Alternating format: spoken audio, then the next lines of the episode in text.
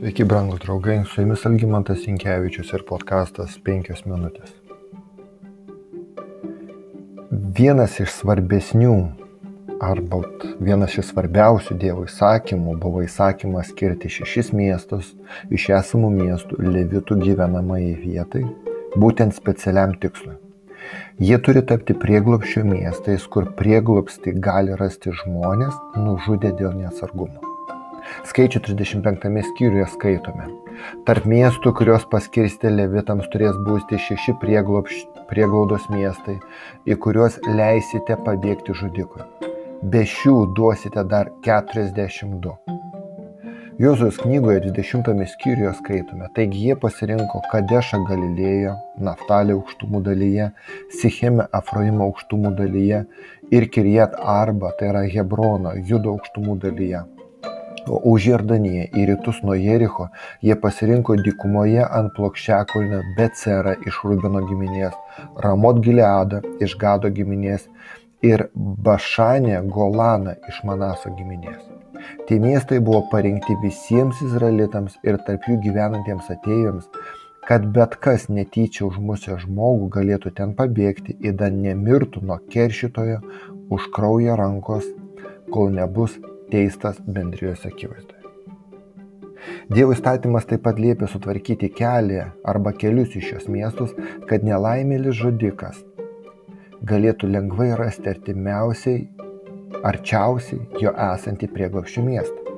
Miestai buvo įsidėstę taip, kad bet kurio Izraelio vietoje, šiaurėje ir pietuose, rytuose ar vakaruose žmogus galėtų lengvai pasiekti vieną iš jų dienos metu. Žmogaus gyvenimo šventumas yra vienas iš didžiausių Dievo įstatymo principų. Nuo pat pradžių Dievas siekia išmokyti savo žmonės, kad bet kokiomis aplinkybėmis nutraukti žmogaus gyvenimą yra labai rimtas dalykas. Nes žmogus buvo sukurtas pagal Dievo paveikslą ir panašumą, taigi buvo tiesioginis Dievo palikonis. Po potvinio Dievas ryštingai pareiškė, pradžios 9 skyriuje, kas pralėja žmogaus kraują, to kraują taip pat pralies žmogus, nes pagal savo paveikslą Dievas sukūrė žmogų. Tuo pačiu metu Dievas žada saugią vietą, kur gali pasislėpti atsitiktinė žmogžudystė įvykdęs asmo. Ir nesuteikė tokios galimybės žmogui, kuris nužudė tyčia. Dievas, dievas siekia sureguliuoti plačiai paplitusi senovinį kraujo, ah, paprotį, jeigu taip galima pasakyti, pagal kurį atsakomybė už nužudytojo nubaudimą buvo paskirta artimiesiems nužudytojo - giminaičiams. Izraelis labai ilgai gyveno tarp pagonių ir perėmė iš jų dalykus, kurie izraelitų manimo buvo nu, gyvenimo norma.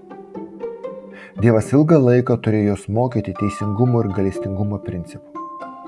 Reikia pastebėti, kad Dievas veda žmonės tokiu greičiu, kokiu jie gali suprasti ir priimti dievišką tiesą. Nei per greit, nei per lietai. Ir šis principas buvo būdingas izraelitų įstatymams, kurias Dievas suteikė per mozę. Jis prisitaikė prie žmonių sąlygų, tačiau visada vedė į tobulybę, kurią žmonės iš pradžių nelabai galėjo ir suprasti.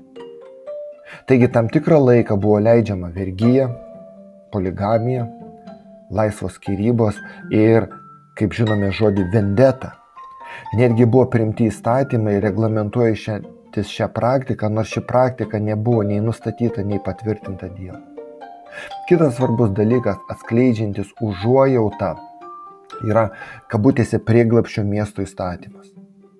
Tai buvo miestai, kuriuose gyveno levitai, o ne kitų a, giminių atstovai, nors tie miestai buvo kitų giminių teritorijose. Ir tai nėra atsitiktinumas. Ir kartais nutiko taip, kad žmogus pateko į prieglopščio miestą dėl uh, nesuplanuotos atsitiktinės žmogžudystės, dėl nelaimės. Jis niekada negalėjo iš jų išvykti, nes ten turėjo gyventi tol, kol gyvas vyriausiasis kunigas. Po to jis laisvas. O jei vyriausias kunigas buvo jaunas, tada tikimybė, kad žudikas kabutėse per klaidą liks prieglapščio mieste visą likusį gyvenimą buvo didžiulė. Jis negalėjo dalyvauti kasdienėse šventėse, jis negalėjo girdėti toro skaitimų kas septynerius metus. būtent toks žmogus, žudikas per klaidą. Ir tokiu būdu levitai buvo atsakingi už šių nelaimės įkaitų mokymą ir dvasinę priežiūrą. Taigi priverstiniams kabutėse pabėgėliams nebuvo atimtas dvasinis vadovavimas ir jie galėjo pasidalinti su levitais Dievo žodžio palaiminimu. Brangus draugai, Galbūt prieglopščio miestų įstatymas buvo ryškiausias to meto pasaulio teisingumo ir gailestingumo spindulys kuris apšvietė kelią ne tik Izraeliui, bet ir aplinkinioms tamtoms, kad jos galėtų pasakyti, kokia didelė kita tauta turi taip arti savęs esantį Dievą, kaip yra viešpats mūsų Dievas, kai tik mes jo šaukėmės. Ir kokia kita didelė tauta turi įstatus ir įsakus tokius teisius, kaip šis įstatymas, kurį, mums, kurį jums duodu. Su jumis buvo penkios minutės ir Algimantas Inke.